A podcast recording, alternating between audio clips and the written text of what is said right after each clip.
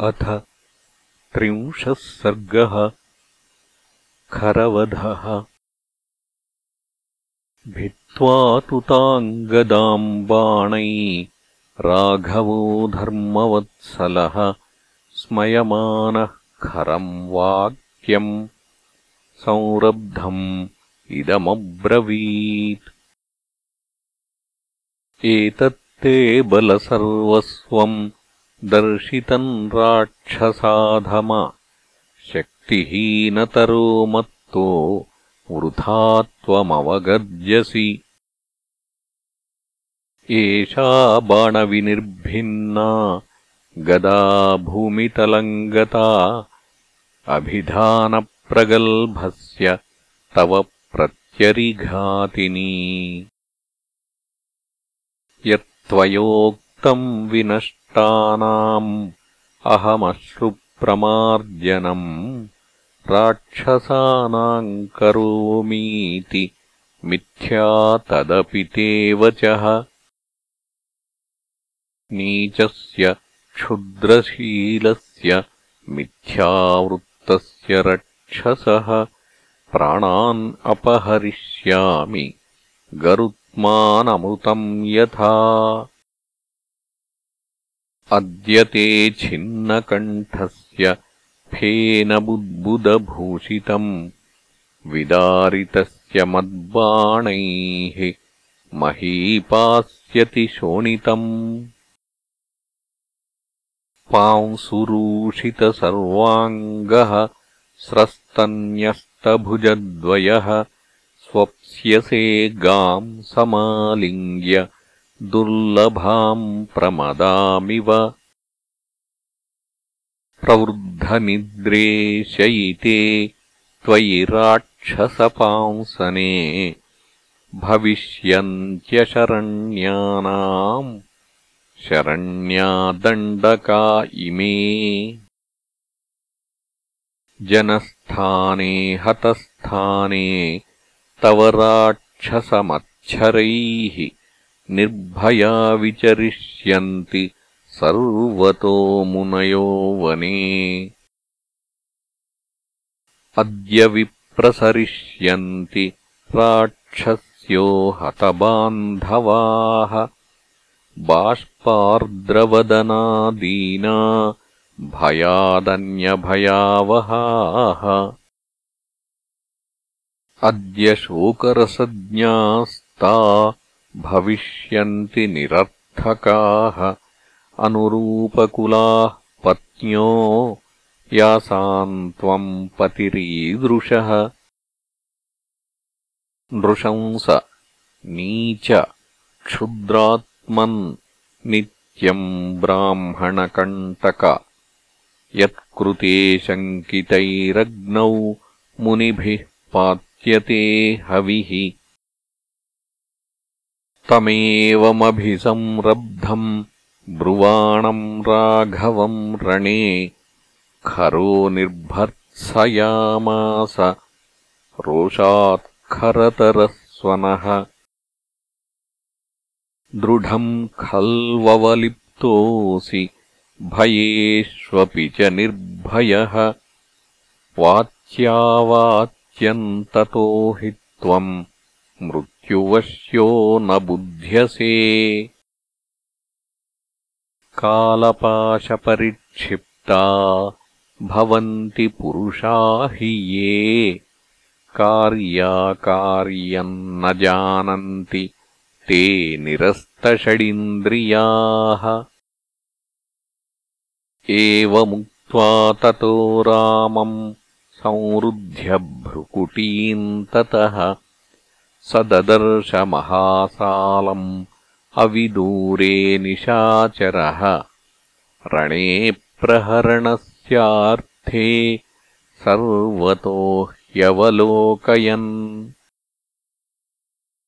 स तमुत्पाटयामास सन्दश्य दशनच्छदम्। तम् समुत्क्षिप्य बाहुभ्याम् विनद्य च महाबलः राममुद्दिश्य चिक्षेप हतस्त्वमिति चाब्रवीत्।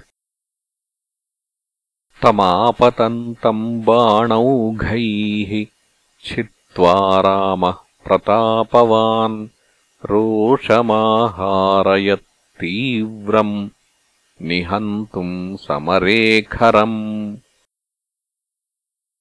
जातस्वेदस्ततो रामो रोषाद्रक्तान्तलोचनः निर्बिभेदसहस्रेण बाणानाम् समरेखरम्। तस्य बाणान्तराद्रक्तम् बहुशुस्रावफेनिलम् गिरेः प्रस्रवणस्येव तोयधारापरिस्रवः विह्वलः सकृतो बाणैः खरो रामेण संयुगे मत्तो रुधिरगन्धेन तमेवाभ्यद्रवद्रुतम्। तमापतन्तम् संरब्धम् कृतास्त्रो रुधिराप्लुतम्। अपासर्पत्प्रतिपदम् किञ्चित्त्वरितविक्रमः ततः पावकसङ्काशम् वधाय समरेशरम् खरस्य रामो जग्राह ब्रह्मदण्डमिवापरम्।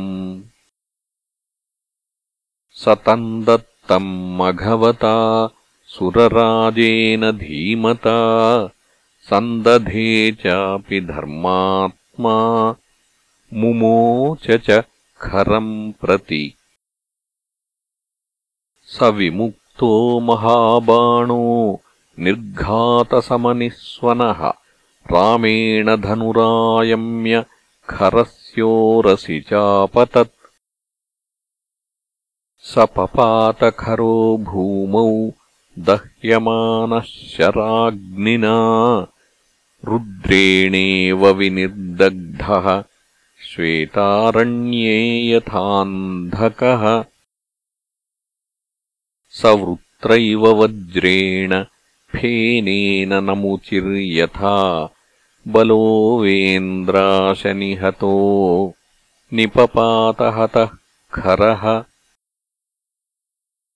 ततो राजर्षयः सर्वे सङ्गताः परमर्षयः।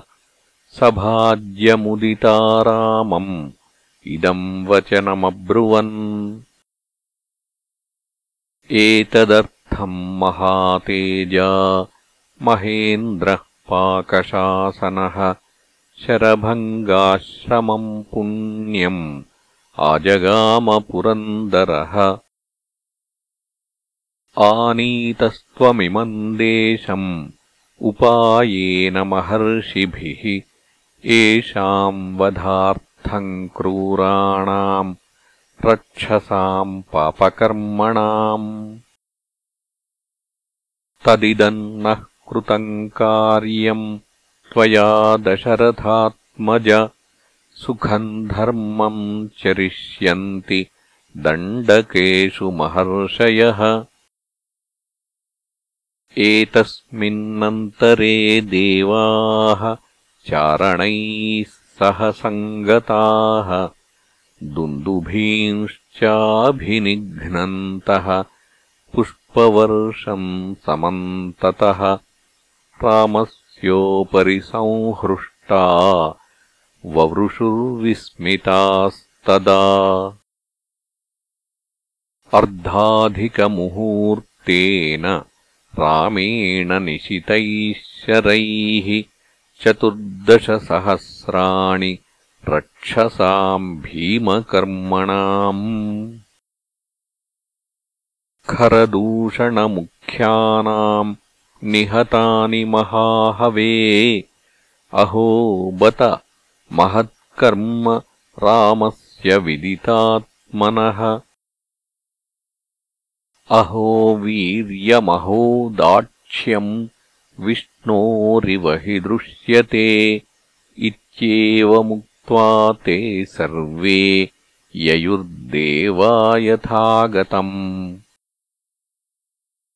एतस्मिन्नन्तरे वीरो लक्ष्मणः सह सीतया गिरिदुर्गाद्विनिष्क्रम्य संविवेशाश्रमम् सुखी।